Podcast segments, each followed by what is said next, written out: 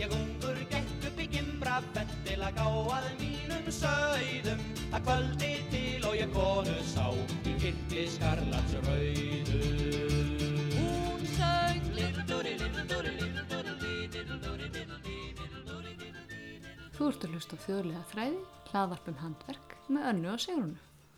Við viljum skoða nútíma handverk í ljósi fortíðirinnar og vitnum stundum í eldri vitringa.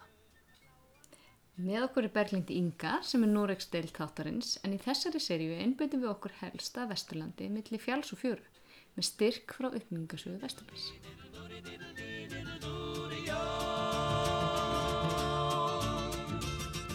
Og hún var bæði hó og grönn Og hún var eins og gyðja Með sitt í glófa glóbjarn ár Og gumbandum sig viðja Og hún söng Little-dúri, little-dúri, little-dúri Já, ég held nú bara að við séum nú bara tilbúnar. Ég er búin að vera svo tilbúin, veistu hvernig ég byrjaði að rannsaka þetta? Já, þetta var eitt af því fyrsta svona rannsaka. Já, ég var svo spennt fyrir þessu að það var einhvern veginn í mars. Róa sig. Já. Segja hvað, þú fórst á bókasafni og fannst í bækuðum. Já, og- já, og skrifaði niður eiginlega mest af þessu sex blaðsina handreiti. Og, Er þetta tekið tíma þáttur? já, ég held það. En, hérna, svo glemdi ég öllu. Því að það Af er því ég þannig er sem við minnislaus. rúlum. Já, og ég var bara svona, býtu, var ég ekki búin að gera eitthvað um þessu þjóðbúninga? Svo bara, jú, sex plastina opnaði skjalið og herruðu, hér er þetta bara allt saman nema ekki, ég þurfti að lesa þetta allt yfir að því að þetta, með þetta er svolítið flókið eða þú veist, mér finnst þetta svolítið flókið sko. þannig að ég Þetta er er búin það náttúrulega, að ég er búin að vera að vandra þetta með að reyna að skilja og þú veist, svo ég sé ekki að fara eitthvað rátt með eitthvað Hvað sagði konin Stíksólmi? Hún sagði, hérna, við fórum á... Uh, hérna, í stikkisólmi svo framhefur komið í Stikksón þar gerast hlutinir og konan í Stikksóni á safninu sem við Ingibjörg. hittum, Ingibjörg nei, á safninu, nei, við Já. hittum tvær konur Já. Hjördís, Hjördís í Hjördís, norska húsinu Mhm. já, sem fór með okkur í geimsluna þar sem við gátum skoðað þrjá Já. Mhm. búninga hjá henni hann klúðruð með einhvern veginn upptökunni á því já það var svo mikið skrjáð í Já. pappinum það Já. var ekki hægt að lösta það Það- en, en það- við erum að endur segja svolítið að því Við erum að að það var endursegja. ofaslega góð heimsókn já, en hún talaði um að þetta var í átta svo veist, Já, búningar það var hún Ingibjörg Það var hún Ingibjörg, Mm. á, á hérna útskurðarkona sem að veit líka rosa mikið um í Stikksólmi í stikisólmi já. Uh, það sem ég komst að sem sagt er að vissir þú að það er til þjóðbúningaráð já, en Vissu ég það? veit ekki hvað það gerir sem sagt. nei, en hljómar eh, hljómar sniðut Eh, það fyrir eftir því hvað ég, gerir já, ég hugsaði bara svona er það eitthvað svona bunatsmafía já, eins og í Nóri Já, en ég held reyndar ekki vegna þess að það stendur, þeir eru með hérna, mm, það stendur sko hlutverk þjóðbúningaráðs er að varðveita þekking á íslensku búningum og leiðbyrna um gerð þeirra sem að er ágætt og það er þess að þið, þetta er bara síðan 2001 og það eru þrjú áhugamannafélög sem að tilnefna fullur trúa í þetta og það er heimilisinaðfélagið já, sem að stendur fyrir alls Sem ég konar er námskeiðum. félagsmaður í. Já, að sjálfsögðu. Sjálfsögðu. Kvenfélagsamband Íslands og þjóðdansafélagi Reykjavík já Og Þetta er allt svona svolítið, já, tengist svolítið og tvö ofinber minjasöfn, borgarsögusafn Reykjavíkur og þjóðminnasöfn Íslands. ok, Þannig að þetta er alveg svona fólk sem að veit eitthvað um, já, um málið. við verðum nú að Já. rekna með því Og hefur svona, þú veist, þjóðdansafélagi náttúrulega, það verður að vera, það er alltaf að dansa vita hvað, í hvernig skómiði að vera og svona eitthvað. Og þá stendur sko tilgangurinn með þessu, menningarafur er ekki aðeins gamli hlutir geimdinn í gleri, heldur líka verkunnáta og hefðir. Til að varveita slík verðmæti þarf að rannsaka handverk, læra vinnubröð og kenna þau nýjum kynsluðum. já, Í þjóðbúningaráði eru fulltrúar félaga og stofnana sem lengi hafa haft að markmiði að varðveita íslenskt handverk, rannsaka og miðla áfram því sem best er vita hverju sinni um gerð klæðnaðar Íslendinga fyrir alda þau föt sem við köllum nú þjóðbúninga. mér finnst að rauðu pluss eftir sponsa mig til að fara á svona námskeið Já, og gera mér þjóðbúr þú getur saumað í mögulega eitthvað skonar ölgerðarmerki Vó! neðan í pilsi. meðan í faldin alveg ölgerði Egið skalla, þetta verður ná alveg ringin, Vá! Egið skalla Kristján. við ringjum bara í hann Jóhannes ef þú ert að hlusta á Jóhannes minn að þá er hérna þá er þetta viðskipt tækifæri Já, góð það, hugmynd það sem var náttúrulega, núna er kallað þjóðbúninga voru náttúrulega bara föt. já, ég fólk átti bara peysuföt og þú veist það var bara í Þessu svo indesku matur er í Indlandi bara matur. ha? Það ég ætla að borða indeskan í dag Ég ætla bara nei, ég ætla bara að borða mat í dag já, Já, þú ert bara í innlandinu. Já, þú eru ræsandi. já, þannig að þú veist, við erum í rauninni þetta er bara setja í tíma hugmynd þetta með Að þetta að sé eitthvað sé búningur, þjóðbúningur já. sem að eiga varðveita og Já. eitthvað svona en svo er líka komin náttúrulega svona sem ekki eru kallað þjóðbúningar sem eru þessi vikingaklæði Það er svona miðalda, þú veist, og það er svona vikinga, skiljum. Já, en það er- Það eru öðruvísi búningar, já, já, þú veist. Og það, mér finnst það ekki tengjast. nei, en af hverju er það? þjóðbúninga. Akkur er það? af, ég meina, Af þetta hverju tengist það ekki, minnur Já. Nú minnst þetta bara að vera allt önnað era. Já, en þetta er samt kannski er það vegna þess að það er meira svona eitthvað samskandinavist Já, það eru allir í ekki, eins, þú sér- veist. ekki sér íslenskt eitthvað Já, já. Kanski var eitthvað sér íslenskt í vikinga líka, Já, þú veist, maður veit við ekki. vitum það bara Kanski ekki. var litunarhefðin, Já. þú veist, það, þær jurtir sem fundist á Íslandi, uh, kannski var, þú veist, annað bara. Já, já, en sko vikingaklæðnaður var miklu hérna litrikari Já. heldur en varð svo setna Svona, við erum náttúrulega bara svart og sorgmætt. Mástu þegar við erum sorgmætt þarna á 17. 16. 16. og 17. öld, já, þá og það sem við vitum um þetta það er hérna það er til einhver málverk og það er einhver til einhverja myndir en svo er til svona uppskriftir frá dánabúum sem eru oft lýsingar á eignum og eitthvað svona þá er stundum verið að lýsa fötum og svo eru þær sem eru bestar eru ritaðar lýsingar innlendra og ekki síst erlendra ferðalanga um landið Já. Ferðabækundar. Já, af því að þá ertu bæði með sko, þú veist, fólk sem er aðkomandi og bara svona, hei, vá, er þetta svona hér? Já. Og við erum líka oft með það mjög vel dagsett, Já. þú veist, hvenar komu Það þeir er þvilga skráningar á þessu. Svona. og þeir voru líka oft með hérna teiknara með sér, Já. málara. Voru það Eggert og Bjarni sem voru með, en teiknuðu þeir sjálfur eða? Með, ég veit ekki alveg, ég veit að hann hérna Banks og Stanley, hérna, já, það er þetta aldrei með þetta voru englendingar mest og þjóðverjar, en hérna, þeir voru, það eru til, þú veist, það eru marga þekta myndir sem að voru settar á, Já. þú veist, ég hef svona myndir upp á vegg heima hjá mér. Já. Já, er það var, þetta er bara eitthvað svona arfur og ömmu minn, þetta voru, þetta voru á konfektkössum, Já, já, svona já. hérna, flott mér finnst þetta það er svo skemmtilega sko. uh, en það sem að er sem sagt, tekur við á þessu vikingaklæðnaði virðist vera faldbúningurinn sem að er svona já, flottasti búningurinn held, finnst mér, eða þú veist þegar Þegar maður pælir hann við kom í kjölfarið að vingaklæða. því já, hann er elstur í rauninni Haldbúningur. já. Og hann- getur list honum. af því að- ég sjáðu get til líst honum þetta svo er mikið útvarp. já, ég get líst honum svo mikið Já. að hérna, þess að, svo- hann þróast náttúrulega alltaf smá með einhverju svona tískusveiflum en höfuðbúnaðurinn sem að er það sem hann dregur nafnsitt af er þessi svo kallaði faldur nei það er ekki strumpurinn það Ó. er hérna, gó- þú veist, það er hérna kvalsporðurinn Já, já, já. það er alveg svona stórt uh, við það er einhvers konar lýsing á þessu hérna uh, yfirleitt var vafið hvítt en þó sést einstaka með dökkum doppum það er frekar sjálfgeft að vera með hérna þetta er svona eins og í rauninni bara buff Já. ef þú sér fyrir því að það Já. var hvítt buff Já. bara svolítið svona þykkara eða eitthvað svona húa og svo er bara svona eitthvað pappa þú veist þetta var sem þú kallaði krókfaldur líka eða spaðafaldur fór því hversu breiður hann var Já.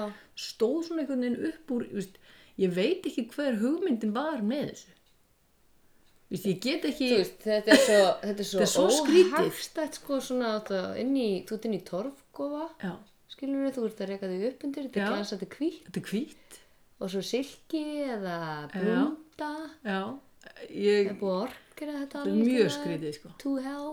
Já, Þannig að þetta er rosalega spes að Já. þessi búningur hafi þróast. já Treyjan var svört eða blá uppalega með síðum þröngum ermum og stundum fylgdi þessum búningum pípukragar eins og á prestum Já, Ennþá já, betra ég sé það. Mm. Hefur séð það? Hvar hefur séð það? E, bara í bók. Á 5000 kallinum Á 5.000 kallinu? Já. Já, vegna þess að þar er hann Ragnir Jónsdóttir hannurðarkona ég á bara ekki svona mikið pening sjá. Nei, þú átt bara lóuna Ég á aldrei þess að 5.000 kallinu. Sko. Þannig að hún sem sagt er uh, hún var eitthvað sérstök hannirða kona já, og hún er með pípukraga og svo var líka, hún var með svona hatt sem var, kom eitthvað svona tíska í smástund uh, var svona barðahattur ofan á Eh, faldin uh, þú veist, það var ekki til bóta heldur en kannski var það Nei. eitthvað til að halda honum stöðugum og, og þá var þetta ofta orðið svona einhvern veginn og svo fór hempa yfir þetta allt saman Já, já, hún náði alveg niður, já, niður já, já, en ég menna, þú veist, þú ert úti í bil eða eitthvað, þá náttúrulega verður einhvern veginn að hafa einhverju til að halda þessum þessu, en sem spaða, þessu breyti í spaða ég breyti í spaðafald já, hann hérna, þessi uh, faldur, já, það er talað um að hann yrði alltaf 50 cm hár hæ? það er rosalega fólk að lágvaxið á þessum tíma sko. tíma já, kannski var þetta svona einhver leið til að hækka sig upp já, kannski fyrir fína buffalo fólki skór þess tíma Já, mögulega. Uh, á þessum tíma voru svundurna miklu mjórri heldur en og, og, þú veist, við þekkjum núna. Það eru eiginlega bara svona, bara svona smá ræma. Þú veist, fremst. Þetta var, ekki, þetta var meira til skraut heldur en beint hlífðar. Það er mjög sérstætt. Uh, og hún var kölluð, það var sett hérna stokkabelti utanum þetta og eða annað sem heitir sprótabelti. Það var að hekk neðan úr þeim einhver svona sproti. Ég, ég veit ekki alveg hvort fólk hefur gengið með þetta dagstælega ég googla þetta og, og svo hérna setna 1700 til 1800 fóru þær að uh, þú veist, koma smá mislitir klútar jafnvel úr silki það fóru að koma svona fínni hérna, sem fyrir höfðið píp, já, en pípukræin fóru svo að detta upp fyrir og treyjan Guðsi lof já, hún styttist meira já, það var bara eitthvað aðeins minna efni já, til á já næsta bæ. eða bara hækka mittið eða eitthvað, ég veit það ekki alveg og, og undir þessari peysu eða treyju já, var upphutsvesti já, þú veist, bara ermalaust þetta er svona eiginlega eins og Kot. uppflutur og þú ert í Hann er svona bara í fancy felum. treyju yfir Já.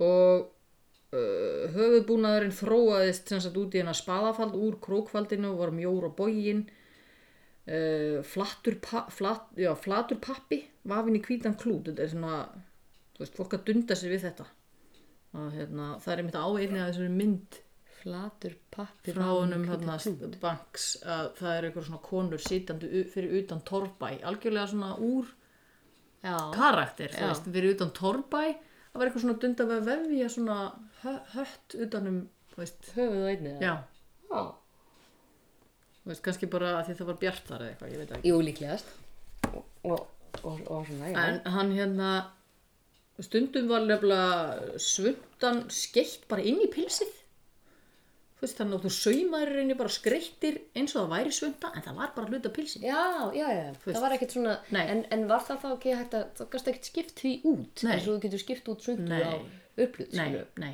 það, það var ekki búið að finna upp á því Það var ekki búið að finna búið því. nei, Nei, nei, Eh, sko, hann Sveinn Pálsson ferðabók uh, Sveins Pálssonar sem að hann eh, var fekk eitthvað styrk til að fara um landið aðeinslega til að skoða náttúru en líka land og þjóð á árunum 1790 og 1-3 og hún var skrifið á dönsku hún var ekki gefin út á íslensku fyrir sko, þú veist, 1945 eða eitthvað, vissi enginn af þessu fyrir 150 ára síðar uh, nema hvað, hann fer um allt og er að lýsa alls konar hlutum og þar er einmitt aldrei góð lýsing á þessum faldbúningi en hann var sjálfur alinn upp í skagafyrði og hann er fyrst allt miklu betra í skagafyrði ó, heldur en annars það nei, getur Eh, það verið. jú, hann- Við erum að tala um það, sko, rétt fyrir aldamöndin 1800. Já. Skafirðingar séu var. skagafyrðingur er strax byrjað að Kókhlustir. hérna já, fatnaður er að líkindum yfirleitt eins og annar staðar á Norðurlandi sem satt hann í skagafyrði þeir sem ekki eru eins hreinlátir eða hyrðusamir og skagfyrðingar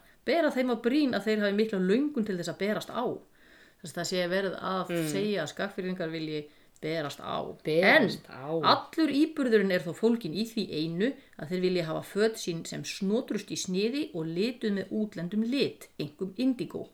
Því að þeir kunni ekki að nota bláa. innlendan lit. Já, Já, þeir vildu vera í bláu.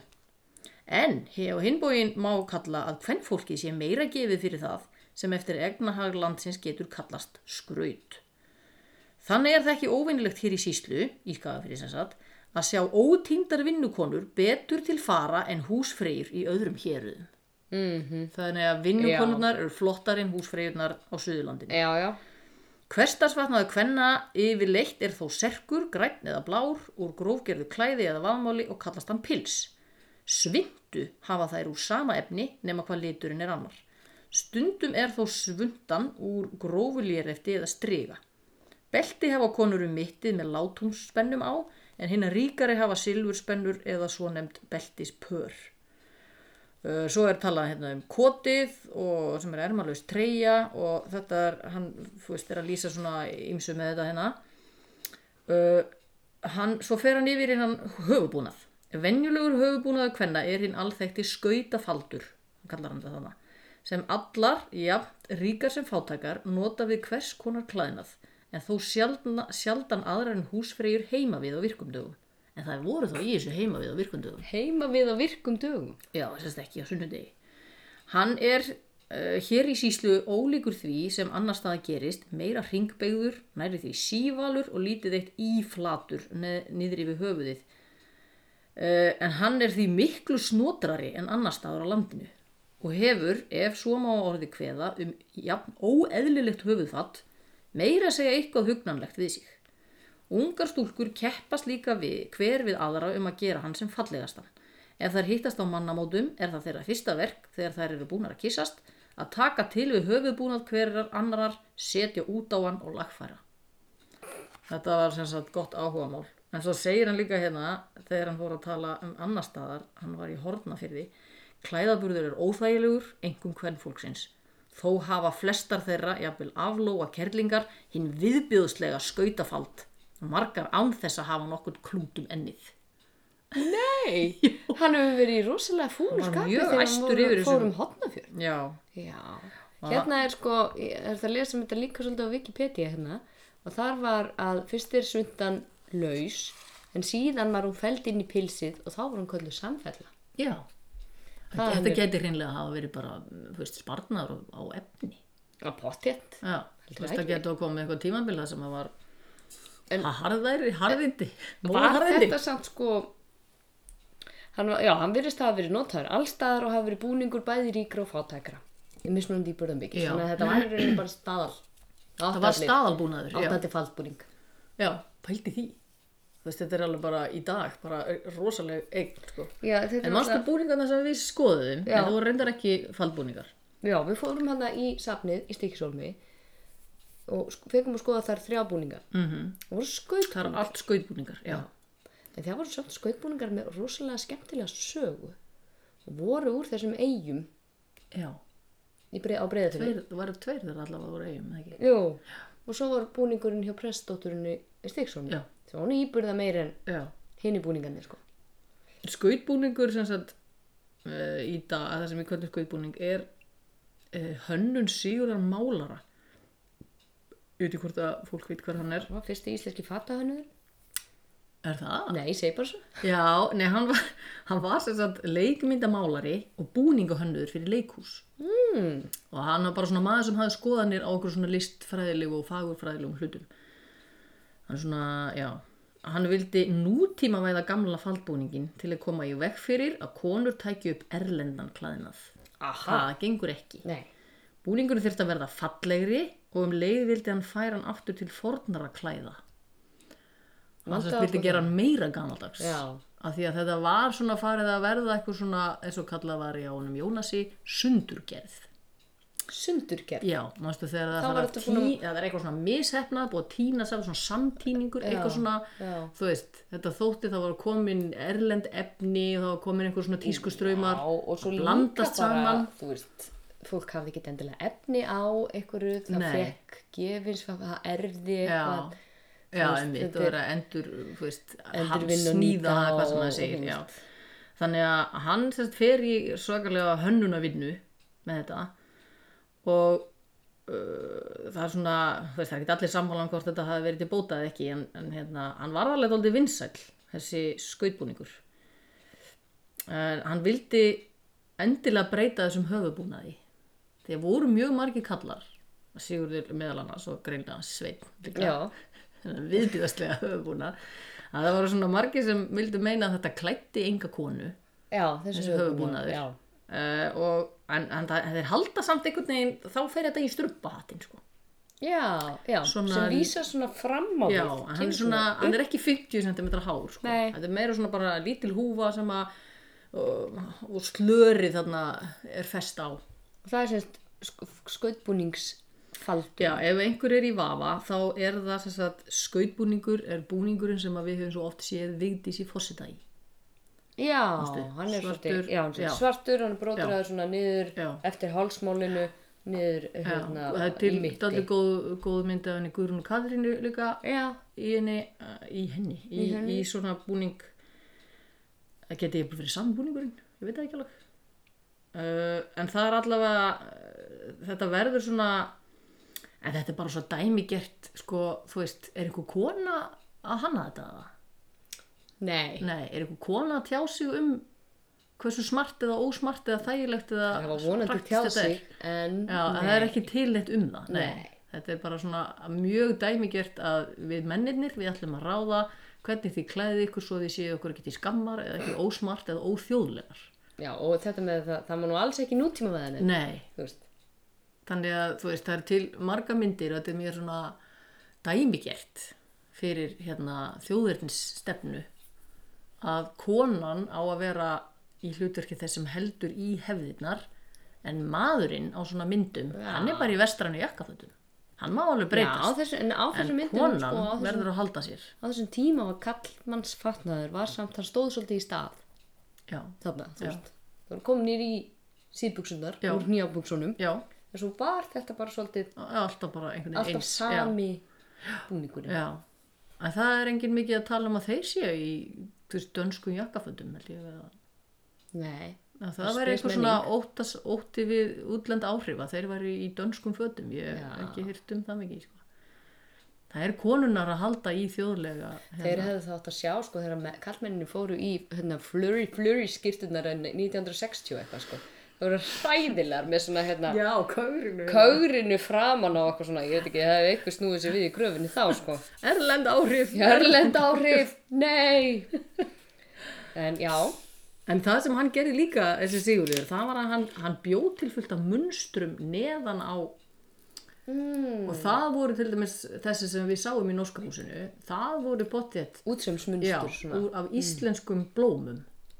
já, Þess, þetta eru svona mikið, þú veist, þau þetta voru er ekki allur eins. faldurinn Já, sem Já. er samt ryktur sko, pilsið er rykt já, já, saman það er þannig að alveg þetta er heillöng rosaleg leið að lengt. sauma. Já, Já, mér langar rosalega til að gera mér svona búning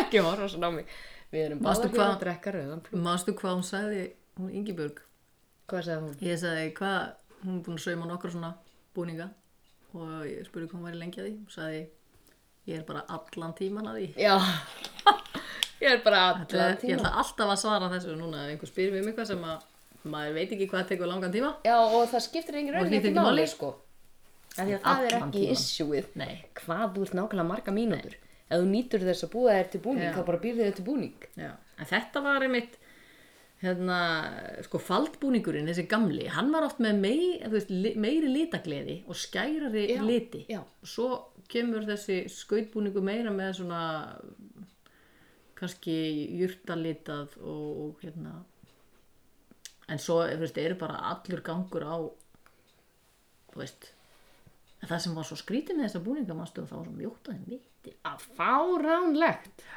Við erum að tala um sko, hvað var Já, það? Við vorum bara Þetta voru eins og, 50 sko, við vorum bara eins og sentimetrar bollur í þarna. mittið. Já, Þú veist, þetta var við eitthvað hefum svo, alltaf komist í þetta. Ég held að þurftu að taka úr okkur rif eða eitthvað til að koma. það er ábyggilega verið, Já, skilja. við sem var mittið svolítið hátt upp í, sko. Það er auðvitað ekki að vera Já. óléttar og svona undir. Já, já, En, það, er sama, já.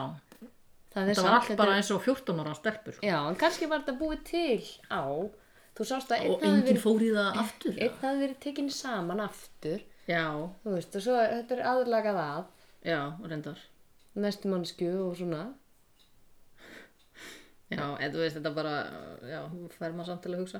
En svo er þetta með, með hérna, skautbúningin, hann er einmitt hérna, uh, treyjan er krækt saman neðst en, tekið, en tekin saman með nælu við hálsmál en höfð opinni við barmi og undir voru útsaumað eða blundurlagt peysubrjóst. Mm Mhm. -hmm.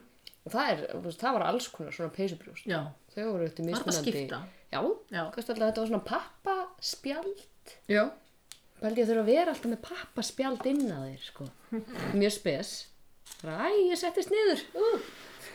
Eða bara, ég hallaði mér yfir, mitt eftir hugum að eitthvað svona að gefa á jötu, hugsa. Nei, einmitt. Þær eru sko ekki að gera það í þessum búning. Í hverju þá? Það er hún ekki með Borðar hérna, allt það er ekki skautbúninum Nei. að gefa jötun. að vísu ekki, nei, þetta var nú svona meira en Þetta hefur verið kirkjan en svo og þetta gerði hefur hann verið, þú annan veist. búning sem var svolítið sniðu sem hann Hver? kallaði Sigurður kirt- Guðmundsson? já, Ok. kallaði kirtilbúningur Já, Hefur það heyrt um hann? Hann átti að vera hægt að nota til að dansa í, til giftinga eða ferminga, en alls ekki hátíðarklæði eða til að fara í messu. Mótt giftaði í honum, en ekki fara í messu. nei, Uh, hann var hægt að nota sama höfuskröndið, strupa húna hana skautið uh, og stokkabelti með. Sigurður vildi að keithillin væri hvítur en svo þróaðist hann líka út í að vera svartur, blár og græn. Uh, yfirleitt er þetta svona aðsniðin kjóll eða kirtill í heilu lagi, ekki svona tvískipti svo hitt er. já, Og ermarnar eru svona stuttar, Þú veist, þetta eru, þetta eru fjallkonubúningar já, þetta er, þetta er mjög oft notað sem Já. fjallkonubúningur. og hann er mjög oft blár svona fagur blár er það ekki? Mér Jú. finnst eins og ég hef eiginlega bara síðan svoleið svartan kannski Og hann er ekki bróteraður að neðan. Nei. Hann er, jú, að getur verið. Já, já. En sem sagt, það er, hann er oft líka bara með e, svona flaujelsrönd. Já. Einni, tvei með sko. þetta þrein. var allt miklu svona e, í rauninni svona nútímalegra kannski og hann varð alveg svolítið vinsall hjá yngri konum vegna þess að þú veist, þú ert líka ekki alveg eins og í skrústykki í þessu, þú veist Nei, þetta er ekki svona bara mörg lög þú og ert með- þygt og Stokkabeltið, þannig að þú ert svo já, sem bara... þú talar fín Þetta er alveg en þú fínt. getur dansað og þetta er líka bara miklu alls ódýrara ekki fari með svíunum Nei, en þú, þú veist, þú, þetta er miklu ódýrara heldur en sko, það er ekki allt silfrið á þessu sem að, já, já, sem að hérna þarf í hitt. Svo, get ekki ákveðið hvernig mig langar að búa mig til skautbúning eða hvernig ég ætla að byrja nei, nei, þetta er ekki heldur. nei Þú er búin að læra að s- sauma treyju, eða ekki? jú, það fyrir- dagtreyna og ég er búin að svona fara á skýrtunámskeið og, og sundunámskeið Þannig að þið vantar bara pilsið það. já, svona þannig sko Já. það Þetta er allt að koma. þetta er bara, ég er alveg Eitt vera búin- námskið á ári og Já. eftir smástund, þú svo eru búin að sauma þér skó og prjóna þér hérna húfu. húfuna já, Svo er bara að fara út í námuna og, og ná í silfur og já, bræða. Þú er búin já. að fara á silfurnámskið líka, ekki? Jú. Hvað heitir þetta? já mýravirki Víravirki, já, Já. já, já. Uh, sko, við erum komin núna að peysufjötunum. Árið er, Kom- árið er uh, eða árin, þess að við erum Árin að tala um 19. eru- öld, já. ok, Faldbúningurinn, uh, nei, þess að faldinum var smá saman skipt út, þess að þetta höfuðfatnum, fatnum, höfuðfatinu var smá saman skipt út fyrir svona öllarhúfur sem að breytist svo í, hérna, skotthúfu já sem er, sem er miklu mjög þægilegra. já, mun hérna þægilega, það eru voru sérst bláar en eru svo svartar skúfarnir voru í öllum litum bláum, rauðum, grænum og svörtum það er ekki þannig núna Nei, efna minni konur áttu ekki e, silki heldur nótu tókþráð það var bara rosalega fínt spunnið svart tók og En hún prjónað hefur prjóna nummer ábyggilega- eitt eða eitthvað verið þá svolítið stöm eða þú svona tollað svolítið já, Þetta var alltaf títað líka já, Alltaf já með einhver voru hárpina til títuprjónar Nei, það var svona Hvað var bara, það, bein? Já, bara eitthvað sem þú varst að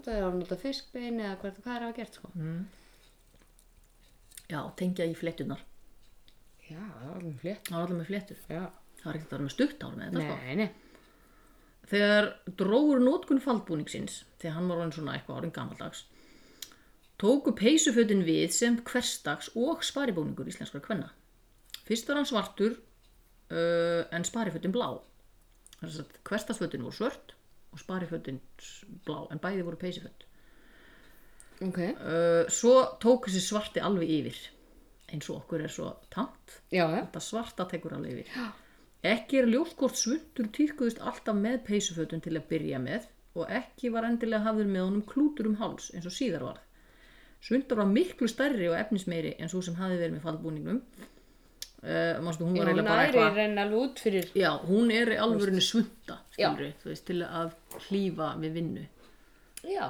hérna. var þú varst í peysufötunum svolítið já, þetta var í rauninni bara hverstasföt svolítið, sko, til að byrja með Hvernig ætlaði að Svona hætta að vera peysa. pe- hversdags, skilur?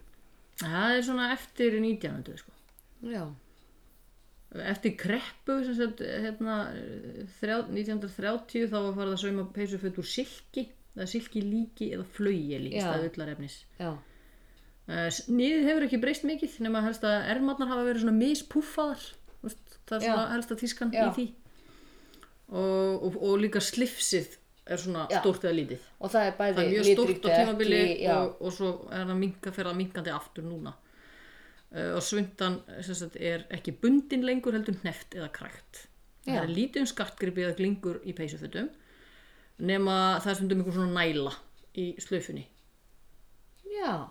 sem það er að- alltaf einhver næla þú veist, það verðist Já, vera svona stundum svona- var það var ég ekki líka nota til að halda slifsinu jú, þú veist, sínum stuðum já, sikur og megin það er bara með alla þessa búningar eins og næla sé svolítið nöðsilegt sko. Já, það er eitthvað um að konur nú til dags noti stokkabelti við peysuföld svona til í spari en það var aldrei gert áður. nei það var ekki Það var ekki móð, í móð. það var ekki í mót nei. það voru stokkabelti það sem við vorum að skoða í stíksólum eða ekki Jú, það var á með, fína. á fína fína Prest, hérna, dótturbúningnum. já Aha. Það var annað sem að hún sagði mitt hún, hérna, Ingibjörg, að hvað efnin hafa ennst misvel að, hérna, ullarefnið bara er langbest. Þú veist, það er verið að Já. geyma þessa hluti, Já, já. kannski í hundrað ára eða eitthvað. og silkiefnin ekki ekki alveg eins ennst góð nei. eins vel nei. Uh, en og helst gerfi í- efnin bara alls ekki sko. helst í þeim brotið já, svolítið. og þau geta meiri sér bara farið að brotna já, ef það er of lengi í brotinu þá bara verður þetta svona eins og blað bara Já. æj, æj, brotnaði já uh, svo kemur þetta sem að kannski flestir tengja við eh, hérna, þjóðbúning Ísland það er uppluturinn hvað er röppliturinn? en mér fannst alltaf þegar ég var krakki þá fannst mér hefði ég sagt að það væri aðal eða Bara, þú veist, svona já. algengasti Hérna. þjóðbúningurinn já Það var það líka sko, það var mjög vinsælt á tímabili Já, þetta er svona eiginlega þú veist, 50 og eitthvað til 80 og eitthvað er þetta bara svona þú veist, ömmur okkar áttu upplut já, og mættu í honum Já, já En orðið upplutur kemur úr dönsku þegar farið voru að skipta kjólum í mittið um endurreisna tíman þá er pilsið niður hluturinn og efri hluturinn upplutur upp hlutur, já, Já, ok. neðerdel og overdel eða eitthvað slags já. og þetta var á svo algengt í, hérna, í gamla daga, vera með kjóla en þeir eru Tvískiptir. kræktir einhvern veginn saman en þetta er í sikkur lagi öðvitað að fara í þetta, öðvitað að já, þú þetta veist, er náttúrulega ekkert smá skipta um þeir eru út með svona mjög mitti, allt reyrt saman og já, svona, já. þá hérna, er þetta kannski bara nöðsynlegt hvað ef þú þarft að pissa? já, góð spurning Enni? en það er sem sagt bara að vera að tala um peysukoti þegar talið er um upplut þetta er svona ímissu nöfna á þessu Peysu kotið, já, sem sagt, eh, efri partur já þetta er inn í vesti já, það sem hann var áður og gæðist undan hérna, faldbúningnum já, og, og elsti íslenski uppluturinn er bara frá 1800 og þeir voru bara mjög svipaðir alla 19. öldina eru þeir ekki í þessum ferðabókum Nei, bara sem sko, í rauninni, und, þú veist, þeir hálgjörð undirfatt já, til þetta að byrja kot. með já. undirfættu í undir hérna, pey, skau- treyjuna undir faldbúningin já, Manstu, og Já. svo, svo glitti í hana Já. þegar það glittist treyjan og þá, þú veist, þannig að þessi vesti þau voru alltaf mjög falleg, þau voru bróteruð og skreitt, skilur við Já, já. að því að það sást alveg soldið í þau en þau voru samt ekki aðal já, hluturinn, já sko Eh, þannig að undir honum er eitthvað svona skyrta úr einskeftu dúk eða vaðmáli, lítið vitað um útlið þeirra, þær er verið bara að hafa verið slitnar það er Skyrturnar? ekkert varst- það er ekkert varðist af Nei, þeim eiginlega, þess að nei. þetta bara En það var líka notað innan þangað til undir. að- já, og reyna undir peysunar Já, Skilurðu? og upplutsvestin voru upphála eins konar lífstykki eða nærfat undir faldbúningin.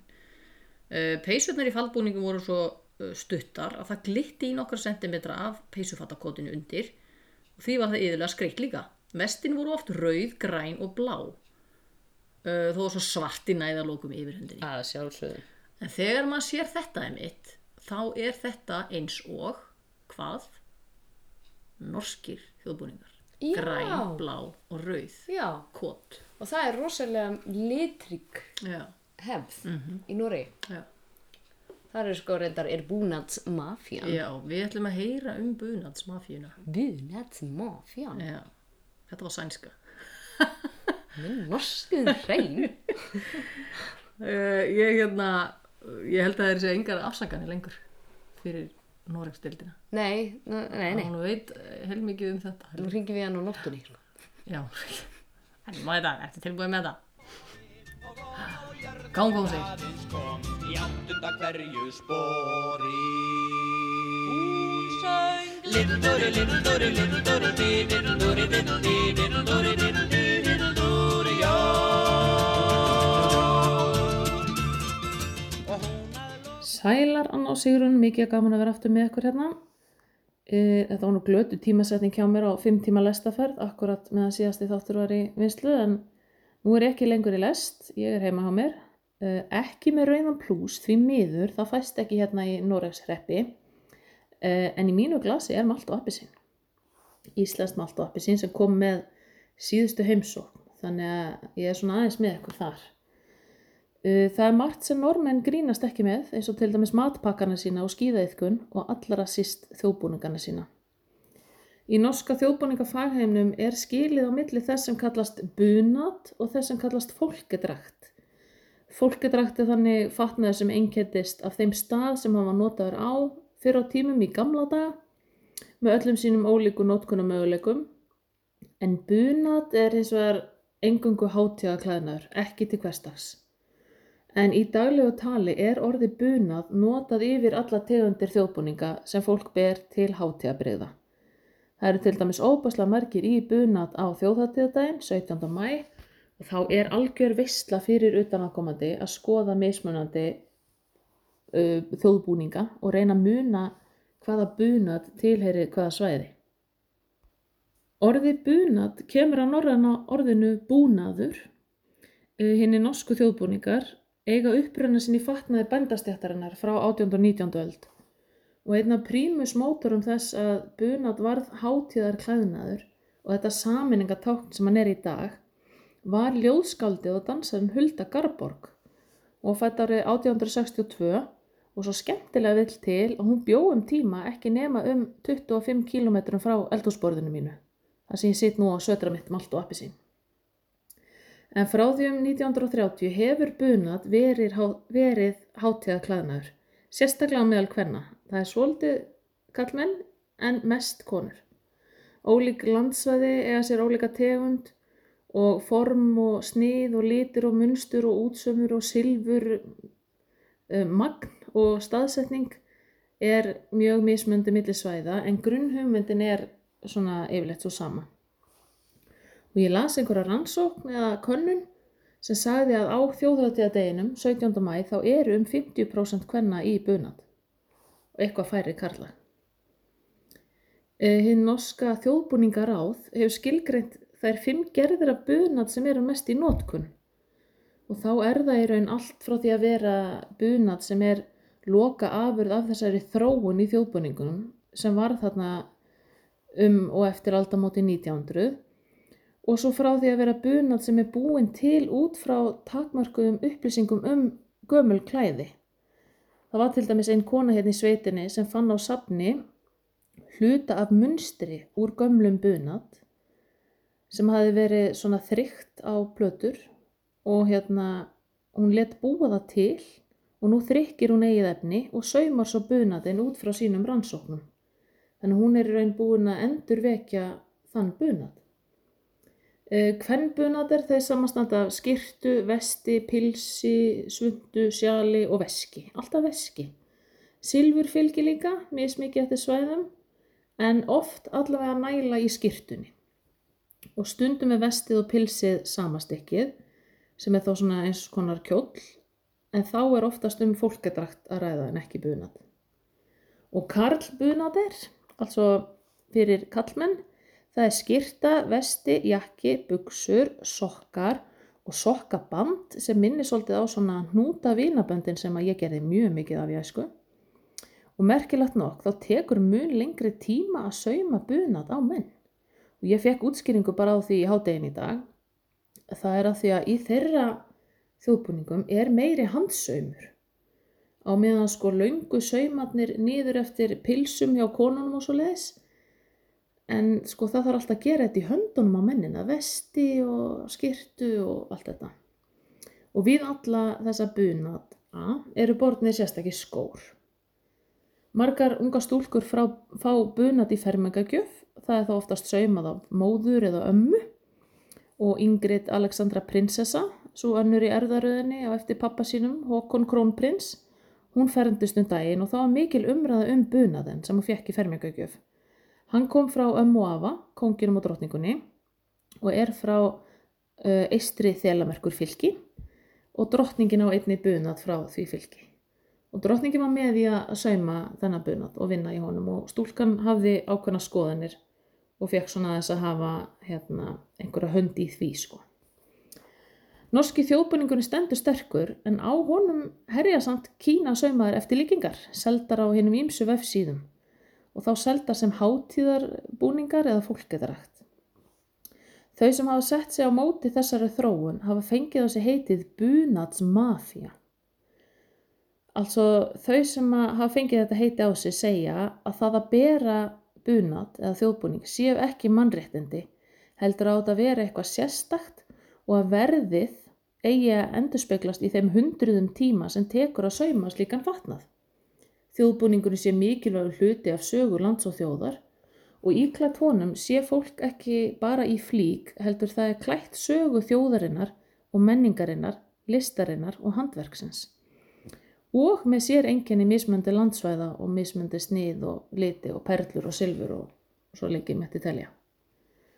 Og svo er nú ekki hægt annað þegar fjallað er um norska þjóðbúninga en að nefna bunatsgeriljan í Núrmöri. Það metti þýða sem þjóðbúninga skæruliðana, það er hópu hvenna, sem mótmælu því að leggja í niður fæðingadeildina í Kristjánsund.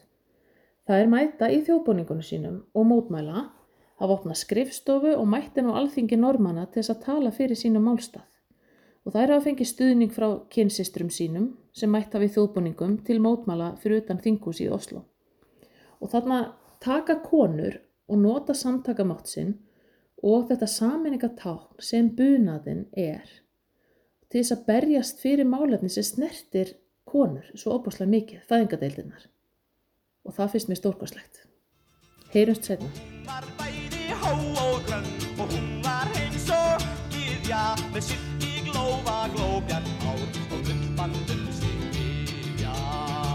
Hún söng lindurinn Við höfum svo mikinn áhuga á þessu að því að það er svo skrítið í Noregi hvernig þetta hefur þróast svona, það, veist, það er svo em, afskekkt, þú veist, Mm. hvernig eru mismunandi búningar eftir bara hverju dal líka við. Á. En það, mástu, það var ekki neinar vísbendingur um að slíkt væri á Íslandi. Nei, við erum búin að spyrja doldi marga, alla sem við bara hittum á, Alltaf sem vita eitthvað um alveg. já, eða og Ekki líka bara þá sem, einhvern. líka þá sem við dekkið um Heyrðu manni. heyrðu manni er eitthvað hérna mismunur á munstrum og hefðum eftir sveitafélagum eða Á Íslandi. á Íslandi og héruðum okkar, nei, nei það er ekki, Ekki einu sinni sko, út í eigunum ástu það sem að Nei. við vorum eitthvað svona og heldur ekki ekki breðarferðar eigunum. já, út að bregða fyrir auðanum eða vestfyrirnir Nei. þú veist, eitthvað svona landsvæði sem hefði lokast svolítið af, kannski Nei, það var nefnilega ekki svo mikið lokað. Þetta er eina svæði sem ég þetta er hugur öræfin.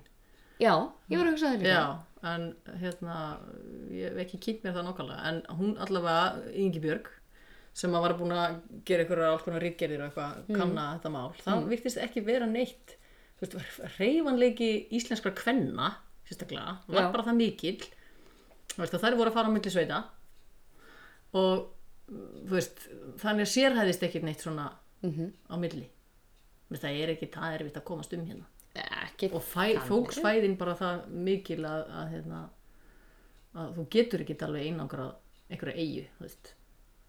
nei hún verður alltaf að fá eitthvað utanakomandi Mér finnst aðalega vel líka þetta, þú veist, þessi útsaumur og allt þetta í, í lýsingunni sem að var hérna inn í, inn í torkónum og, já, þú veist, hugsaður hugsaður. Aðstæðunar, já, bara en vinnu þetta er búið aðstæðunar, þetta til við að búið þetta til. já. en þetta sko eh, það sem ég sé mitt fyrir mér þú veist, að því maður er mitt praktískur maður hugsa með sér, ok, þú ert úti að vinna að segja með þessi sumar og þú ert að heia og þú ert að binda bakka upp á hest og eitthvað og þú ert í einhverjum fallbúningi eða mm. peysufötum eða eitthvað. peysvöldum, þú ert í pilsi bara hvað gerirðu þegar þú ert að stikna og hýta þú rýfur því úr þessu og hvað er þá eftir? peysufaldakotið skilur Já, þá ert, þú veist, það er bara þetta var, voru hverstast klæði upphaflega, þú Mhm. veist bara, herðu, ég er bara þarf að fara að vinna, ég þarf aðeins að geta he- sett hendurnar upp mögulega en ekki verið með þeir, puffermar já, þeir voru náttúrulega með sko, þetta var bara f- búið til Já. Mhm. þannig að það var auka efni sett undir þetta var eins og maður er með drotninguna ef maður er að búið til Já. búning fyrir drotninguna þá er maður með vitt undir erminni þannig að hún geti veifað hún verður að geta veifað þetta er bara ekkert grín sko. Nei, þannig að þær eru sem sagt, bara að vinna og svunda yfir til að vernda og þetta er bara upplýttur búningurinn þetta er bara vinnukonu búningur já, sem er vist skemmtilegt mjög Mér finnst það svona að það er verið að halda í heiðri e, já, gömlu vinnukonunni bara það veist, voru ekki flestar húsmóðurinn konur Jú, ég líka segi það, vinnukonur, ég sko? segi það húsmóðurinn bara sem að þú veist, þarf að gera allt og hún bara þarf að setja á sér svundu og passa pilsið sitt Mm. Af því að svo sko allt í einu kemur, ég er um til að hlusta hérna á, sem er kannski ekki eins seint, eða þú veist, ég er að hlusta á náðastund. Mhm. -hmm. Og þar er einmitt líst svolítið, heyrðu bara, svo kom ykkur í hlaði. Já. Og þá bara, heyrðu það, er að þrífa sig, þrífa sig, Já. og þú varst kannski bara að taka slátur. já, Þú veist, það, það getur bara tekið kannski að því svunduna og Já. þú ertu og Og semlega sett nýja sundu. ekki sett mjög, já e, svo það sem gerðist og það sem að ger, þeirna, gerði þennan upplut daldi mikið var að þegar konungurinn kom í heimsók mm. mér langar að segja Kristján níundi hann kom og hérna, 1907 og þá voru svo kallar frammi stöðu stúlkur sem voru sérst að þjóna til borðs í veistunni Já. þær voru í svona upplut Já. og það var svona svolítið móðins eða þú veist, það var svona Mhm, nýtt, þetta var svolítið svona uh, hvað á ég að segja, svona djörf ákvörðun að segja, þú veist, bara já, við ætlum bara að hafa þetta svona, það var hvítskýrta hvítsunta og, og svo bara vesti og þetta vakti töluverða aðtigli landsmanna og þótti fallegt en ég sé fyrir mér, það voru líka eitthvað svona hva, konur bara á nærklæðunum þú veist, það var, það var eitthvað svona þú veist, Já. sumur sem fannst þetta aðeins og mikið sko. en, en þetta þótti samt hérna fallegur og upp úr því fer þessi búningur að verða vinsæll sem bara sjálfstæði búningur Já, sem bara upplutur. Já. Já. Léttari yfir. Já. Samt sem þó þóttu mörgum lengi vel að konur og upplöð væri fáklættar nánast á nærklæðunum. Það er hérna svona, þú veist, það er alltaf einhver. Eh, En hálsmáli var sífjöld flignara, en það er náttúrulega alltaf treyja undir. Þú veist, þetta er ekki hérna mm Mhm. endurreisnar hérna varmurinn. Renaissance. Nei, Nei. þetta er ekki það, sko. En skrautið á vestunum varð svo meira, þú veist, þegar þetta farið að vera sjálfstæði búningur. Já. Þú veist, þú vilt náttúrulega alltaf skreita Með gillingum Já, og svona. og svo það sem er sniðut við þetta er að hérna, uh, það, þetta er svona svolítið eins og jakkaföld, þú veist, þú, þú, átt- maður og jakkaföld, hann getur svolítið breyttið með því að skipta um, um bindi og skirtu. Já. Þú getur svolítið breytt þessu með því að Já. skipta um skirtu og svundu og, Og þá svo- er þetta Svo bara áttu svona þær líka grunnbúningur. Önnur kot, sko. Já, Þú veist, þær hengduðu Og s- sama pilsið já. kannski á annað kot já, sem var það langar mesta sparilega. efnin alltaf í pilsinu, sko. Já. Og þetta, sko, þessi búningar sem við skoðum í stikisólmi, Mm. þeir voru upp yttir, Já, algjörlega. Þeir hafa verið mikið notaðir. já, já, já, þetta voru ekki bara sparibúningar, Nei. sko. Nei. Það var svolítið skemmtilegt að sjá hvað Hann- þeir og voru mikið pilsin rosalega þung og efnis mikil sko. yttir. Kannski hlý fyrir vikið. algjörlega, þú veist maður sér fyrir sér einmitt stundum að þú veist það voru líka til svona hempur þú veist, yfir sem voru svona ferða eitthvað svona en Já, já. möttullinn og svona. já. Þannig að þú veist, þetta var náttúrulega þurfti að vera og það var líka að tala um að þær hefði verið í alveg ótilhendu undirpilsum oft, undir Já, og það er meitt sagt frá einhverjum útlendingi sem var eitthvað svona elda konur sem voru að hérna, dreifa saltfiski til þerris og voru eitthvað svona elda konurnar og svona beigja sig til að reyna að telja undir pilsin nei, ekki það var samt í það nei, nei. en svo er þetta náttúrulega alltaf tískusveiflur sko. Já, þú veist, bara efnisvalið, þú veist, hvað er til já, þú veist, það breytist úr vaðmáli og yfir í ykkur gerfiefni, þú veist, fyrst, sil, fyrst silki og svo gerfiefni ég meina, m- ömmur okkar eru með gerfiefnis já. oftar en ekki sko Já, kannski silki bland Já, eitthvað já, svona, já, já. þú veist. En þessi ullarefni, það er líka erfitt að fá þau í dag já, Ef ykkur veit um svo leist, þá er ég alltaf að leita mér á svona ullarefni svona þykkum þjættum Þetta gefi skínu alltaf þetta er ekki að vefa þetta sjálf. oh my god já ég er að gefa það skil ég get alveg sagt það upp á Já, þú veist það eftir stríðið var farið að nota svo mikið að gerfi efnum. Veistu það hverju gerfi efnum voru búin til? Eða þú veist hvað nælón var búin til? En svo allt gott þá koma úr hernaði. já Það var ekki hægt að svo búa. allt gott Já, allar framfari. Internetið. Skilur þetta er allt, þetta kemur allt úr hernaði. vegna þess að hernaður það notið það. Það var ekki til nóg mikið silki til að búa til fallívar.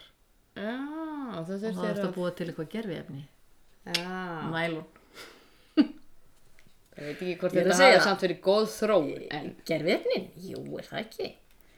En svo hérna breytist þetta, þú veist, að skýrtuna fara að verða einhverja svona blóndu, þú veist, já, upplutnum, varstu, þú veist, svona, eitthvað svona gegnsæjar og eitthvað svona, mér finnst það eitthvað svona, uh, svona mamma mín segir gabberdín efni, já, ég get ekki komið við þetta, sko. Þetta er svona 50-70 tímabilið, 1950-70, það er svona daldið mikið að svona minnstru, jafnvel skrýtlega minnstruð, já já svona, já, ég veit ekki alveg hvað ég ætla að segja um það. en þú veist, það er bara oft þannig að, þú veist, ungar konur vilja ekki vera eins og Nei. næsta kynsla fyrir undan. Nei. Þú veist, hún verður að fá að breyta. Þannig að þjóðbúningur, það sem mér var svo flott lýsing einhverstaðar, þjóðbúningur er svona svo þjóðsaga. já Þú veist, þá er engin höfundaréttur á honum. Þú getur, þú veist, hann breytist bara að þróast eftir, hérna, þú veist, hérna, hverju Land, kynslu. sko. já, landslæginu hverju sinni Já, já. þannig að en það er alltaf einhver svona leiðbenning hvað sem maður segir einhver svona, einhver svona rauðu þráður í einhver svona þú veist, þú ferð ekki í fjólubláan þú veist, samfesting og segir þessu þjóðbúningur þú veist, Nei, nei, þó einhver nei, hafa nei. einu sinni verið í honum en þetta er svona, þetta hangir alltaf á einhverju öðru sko.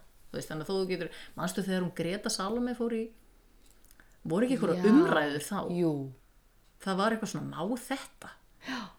hún fór í hérna 2012 held Já. ég eitthvað svoleiðis. þá voru hún sérst bara í hvað var hún að eins og gera upplýtt, hún var í Eurovision já þá fór hún var í hún bara Eurovision í bara í kotinu sérst, það var ekki neitt í skirtu og bara svona mjög síðu pilsi alveg með svona slóða Já, já. svörtu það er og þetta það var nútíma- eitthvað skreitt mm. ég var þetta rosalega flott þetta er bara með þessu íbafi já, ég meina þú ert með eitthvað svona gamalt og en þú, þú, þú veist, breytir því aðeins Mhm. þú veist, þú ert ekki að skemma neitt Ég, það er nú misjæmt hvað fólk, fólk Já, finnst um það en ég meina sko. það er ekki eitthvað svona eins og allir sé að fara að hlaupa upp til handa og fóta og brenna gamla þjóðbúningin og bara, þú veist, Nei, nei. þú bara fólk stundur svo dramatist, sko. En ég er einmitt svona típa, ég myndi vilja að þú veist, bæði læra samt handverkið eins og það er Já, upprunlegt sko, taka eitthvað af því og, taka, skilurðu. og búa sem mér Já. svo til, þú veist, Já, að það var sem þess með púffermannar þegar þú varst á Já, námskeiðinu. Þú já. þurftir að gera púffermar sem að þú vildir eiginlega ekki. nei, ég get ekki verið í púfermi, ég líti út þessu fáiði, skilur, en það er bara... Ólíkt öllum hinum. Ólíkt öllum hinum í púfermunum, það suma típur bara geta það alveg, bara hygglust eiga alltaf að vera í púfermunum. púffermar. En, veit það ekki. en, en þú veist, ég lærið samt að gera dagatreyna Já. eins og hún á að vera. Já, já. Svo get ég bara gert hana fyrir mig, Já. eitthvað setna. Það er samt óþarfið að þú þurfir að gera tvær, skilur Er það ekki? Já, En oft þessar hátíðir, svo, svo eru fleiri hátíðir, það eru alþingishátíð 1930 og svo 74 er aldam hana Íslandsbyggðar hérna, þjóðhátíðin, líðveldishátíðin 44 og þú veist, afmæli líðveldisins 94 og þú veist, það verður alltaf svona vakning og verða námskeið og verða eitthvað svona það verður svona toppar í þessu bara svona, nú fá, nú, þú veist, læt ég ge- verða af því og, og ég fæ mig þjóðbúning til að mæta, þú veist, eitthvað svona þetta verður svona hvað ég segja, boost, hvað það er á íslensku boost, já, já. þetta verður svona kvartning til þess að gera eh, hérna, eignast búning já, nú það er sko. verið búin já, ég og peysföld Já, mér líður bara ágætlega já, ég Já, er það er ekki vissum að komist í þau samt en þó. Ég bæði fermdist og, og gifti mig í já, upplutum það er magnað Það er bara svolítið skemmtilegt sko. Þannig að í sama upplutum já, Þannig að það er þetta mamma í nátti er- Já, sem að amma mín gaf mömmunni og, Já. og m- og mamma mín er búin já, að- ég fekk minn að- beint frá ömmu minni einmitt, af því að það passaði engin annar í hann en núna passa ég ekki í hann heldur hann var mjór sko eða þú veist, hann var svo var hann eitthvað aðeins Kannski breytt var þetta svolið stæmi en áður fyrir sko já, Þess vegna er ég ennþá til já, af því að enginn en passa í það Það var annað einmitt sem að var svo áhugavert að hérna, það er maður það var maður heitir Uno von Troil sem var bara eitthvað á ferðum í Ísland já, ok, eh, hann, hann er ekkert mikilvægur að, að þessu leiti nema hann sem sagt, er að skrifa eitthvað og ég segir í brefi að hann segist hafa séð búning sem sagt, faldbúning að verðmæti 300 ríkistala sem að segir okkur ekki neitt en það er verðmæti 17 hrossa ha, eða 12 árslauna vinnumanns vinnumanns þá eru glæða sko 20 vinnu, menna, árslaun vinnukonu en, en ég skil ekki alveg, úr hverju var þessi búnaður? hann En- var en- búinn til, það var svo mikið silfur á hann Já, já, já, ok. Já, það verður að hafa í huga að slíki búningar voru oft erðagós sem sífilt bætist við í hverju kynsluð þú veist Já, já, og þú ert að hlaða, sko, æfisbarnaða sumra fjölskylda felst í því að geta syngt ríkidæmi sitt með því að hengja það á eiginkonu sína Sjáðu jólatreið mitt Það er enginn á topnum. Ég er nýbúin að pússa En það sem að, ég, ég var að segja er eina sögu og svo er þetta búið Hvað er með hana? ég, svo, svo spennandi saga að það er hérna, hún verður að koma í lokin uh, það er um faldbúning Hookers það er enski grasafræðingurinn William Hooker 26 ára gamall þegar hann kom í rannsóknarferð til Íslands árið 1809 auk grasafræðinar kom Hooker áhuga, hafði áhuga hann áhuga á fólki og klæðaburði þess hann eitti tveimur sumarmánuðum á landinu, kom meðal hans til borgarfjörðar og sapnaði að sér gömlum bókum, plöntum og steina sínum og síðast en ekki síst fekk hann glæsilegan brúðarbúning íburðamikinn faldbúning Ok, sem hann alltaf, þú veist, hann var svona að sapna hlutum og meðal annars var þessi búningur sem hann alltaf að taka til Breitlands. Skip hans hafði ekki fyrr lagt úr höfn í Reykjavík þegar að kviknar í því og svo virðist sem allir muni nú farast með manni og mús. En þá kemur Jörgen okkur Jörgensen, varstu hver það er? nei. Jörundur hundadagakonungur Nei, já. sem bjargvættur út úr óveðrinu á skipi sínu og bjargar öllum skipverjum. En það logaði vel í skipinu en það fullt af lísi og tólk og það sökk í sæ. Ásamt öllum gögnum, sínum og tækjum hans húkers og brúðaskartið með, eða hvað? Hann pændi í þessu að vera bara eitthvað svona búin að eyða heilu sumri í að sapna sko hlutu og svo bara fyrir þetta hann upp á leiðinni úr landi meir en 150 árum síðar þegar Elsa Guðjónsson sem að er aðal búningarannsakarin á Íslandi Já, er að rannsaka sögu faldbúninga sér hún í seinni tíða dagbók Hookers að hann segir að úr brennandi skipinu hafi aðeins bjargast hluti á dagbók hans úr ferðinni og brúðarskart íslenskra hefðarkonu sem hefði komist óskatta til Bretlands vegna snarræðis eins Britans. En hvar var hann þá, spyr Elsa sig og fer að rannsaka málið. Húkar verðist hafa geimt hann hjá sér til dauðadags en eftir það hafi sonur hans selt búningin til Viktoríu og Albert sapsins. Þessi Viktoríu drókningar. já. Og þar finnst búningurinn niður í kjallara óhreitt en óskemdur. Hempan fannst á öðru safni og var saminuð honum en höfuð skraut var tapað. Búningurinn var hreinsaður og Elsa fekk að gera á honum mikilvæga rannsóknir. Hann er enn geimdur á umrættu safni í London. Hann var lánaða til síningar í þjóðminnasafni í kjölfarið uh, árið 1969 þar sem Elsa stóð fyrir síningu á íslenskum búningum.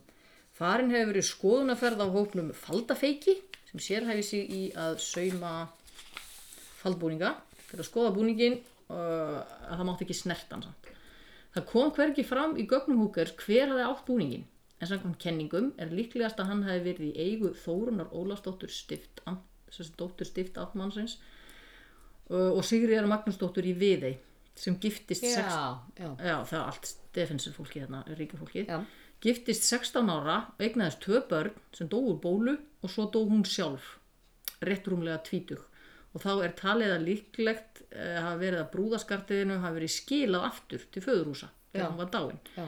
Hún hefur líklegast gift sig í búningnum en það er mitti hans óvinni mjótt og ef til vill hefur engin getað eða vilja nota hann eftir dauðanar. Eldri bróðu Þórunar var Magnús Stefensen sem var mikill andstæðingur faldbúningsins sem hann sagði að afskræmdi fegustu konur og líktust helst turbunum Östurlanda. Hann hefur eftir vill verið fegin að losna við búningin Já. þó svo hann væri verðmætur. Ekki er vitað hvort Húkar fekk hann gefins eða greiti fyrir hann. Þessi búningur er elsti heili faldbúningurinn sem til er og er ómeðanleg heimild um klæðnað kvenna áður fyrr. Mér fannst það svo geggjur svo ég var búin að búa til Þetta er kveikmyndahandrið. rosalegt. Ég var bara, þú veist, það voru bara Það komnar er bara ástir, Baltasar viðey, Kormákur já, og og þú það var bara, og einhverjir ónefndir ástralir voru að leika Já. hana. Mögulega eh, byrjar á H og Já. endur á Emsworth. Já, getur verið og hérna, þetta var bara, það er bara allt í þessu, þú veist. Geggjað. Þetta er svona skemmtilegt. Já, Að- þetta var Og skemmt. bjarga engu Já, nema brúðarskvertinu úr Já. skipinu. brennandi skipi og svo bara vissi enginn af því fyrir en bara 1900 og eitthvað, þú veist. Og hún fær að skoða hann og finnst bara í ykkur drastli niður í. Já. Hugsaðu þér hvað það er mikið af dóti sem er svoleiðis. Já. Komið fyrir. Já, að þessi búningur mitt er alveg bara stór hérna, hluti í þessum kapla í þessari stórkostlegu bók Faldar og skart Já, já, hana. sem að er Nei, nei, alveg nei. rosalega falleg Hún Þetta er er þess rosalega að hempan sem að var í í öðru safni Já, og þar er hægt að þekkja hana á því að fangamarkið. Já, Hefur verið já, já Svolítið skemmtilegt. Það er mjög sko. geggjast Og það er önnur bók sem líka sem við Fjölva? höfum verið að kíkja. Þetta hefur kostnaði, hvað sko? Vá Hann er alveg heill og svo er munstrið hérna niðri Þetta er svona ekki faldbúninga Nei, Þó- Nei, hérna ekki skautbúninga Sigurður Málara, þetta er svona eldra sístem sko. Þetta eru rosalega litir óbúðslega og svona mikið útlend bróðar í blóm maður. og svona útlend blóm meira. Útlend blóm? Já, þú veist, þetta er ekki fívill og Við sólir sáum sko. það nú í safninu í Stikksólum Já. að það voru akkorn í Já, munsturnum mannstu. Það var ekki, það var ekki blóm, blóm, blóm. Nei. Heldur var bara eins og, Já. það var þú veist ykkur hnetur og Já, það var svona. þetta skemmtilegt. Það var pínuðu spes. En flatei til dæmis hérna og þessar eigjar voru náttúrulega bara viðkomi staðið fyrir skipin. Já, já, já. Þannig að þú veist, þau það fengi nýjastu straumana. já. Þetta var Erum við skemmtilegt. komin í klukkutíma að það? Við erum alveg að fara í Pottþétt, klukkutíma. Já, já, allt og mikið. Alltaf mikið. En þetta er bara þannig umræðefni, þú getur ekkert hægt, Ég er skilur, bara, þetta er bara... sveitt sko. Ég veit, nú verður ég bara að fara að sauma mér. Eitt, Þú verður bara sögum. eða tvo eða átta eða eitthvað, hvað er það maður? er til átta. Það er til átta. Það eru svo, og þeir eru misjafnir þegar að tala um sko, þú veist, 17, nei, hérna, 18. aldar skautbúninga og 18. aldar upplut og peysuföt, þú veist, það er ekki eins 18. og 19. aldar. Já, Eh, Það er líka rosalega gaman að fara á, hvernig hérna, maður að byrja? á þjóðdansa félagið. Það er ekki þeir sem eru með, það eru svo skemmtilega heimasíða. Eða hvort það er bara þetta þjóðbúningaráð sem að er með, og það eru mjög myndir af öllu dótinu í nýjum, sem sagt, ekki gömlum uppfærslum heldur það sem að konur hafa sauma sér Já, nýlega vegna þess að það er alveg ég ætla ekki að segja fullt af fólki, konum það er alveg, það eru til konur sem að eru að gera og eiga ný saumaða búninga þetta er bara búni, búningurinn.is já, ég er að komin Ertu að skoða? af því að Já. bara skemmtilegt. þetta er rosa skemmtilegt og sér það munin á sem sagt 19. aldar peysuföt þarna er með slipsir rosalega lítið og 20. aldar peysufötin eru sko öðruvísi þú veist Þú Já, ertu komin þá með ertu komin með stóru risaslausu. slipsin, já, og hitt er meira bara svona klútur Já, ég held að ég myndi freka fyrir klútin. já, Klútinn. að fara í hérna í svona hóværari útgáfi Nú, Hún hérna, sýstir hans afa mín, sem Siva, frænka, hún saumaði, ég veit ekki hversu marga uppluti á æfinni. Það var Nei. bara, hún fór í alveg rosalega marga.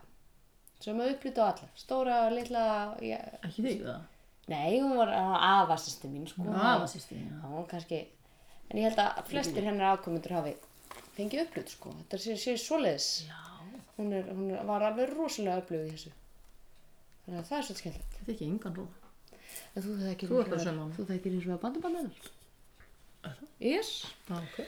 Það kemur fram í næsta þætti og gæði spennandi Já mann ekki hvað við ætlum að gera í næsta þetta Það kemur bara ljós og verið að þú minn spennandi já, En þetta er bara það voru þetta gott í dag orðið gott í dag Ég er búin og- með rauða pluss stóð Já, ég er bara búið með röddina, ég tók að mér að vera Bonnie Tyler í þessum þætti og... Já, ég síðast og þú nú. Já, Hver verður næst? hver er næst það? Herðu, takk í dag Takk. og hún að lokum hjá mér stóð og hjarta mitt fór á spretti og kossinn heitan eins og eld á enni mér hún sendi Hún söng Little Dory, Little Dory, Little Dory Dee, Little Dory, Little Dee, Little Dory, Little Dee, Little Dory, já og þetta hennar hóttarlag og hef ég aldrei skilið því óðarag var nafnur og inn í kletta gíli Hún söng Little Dory,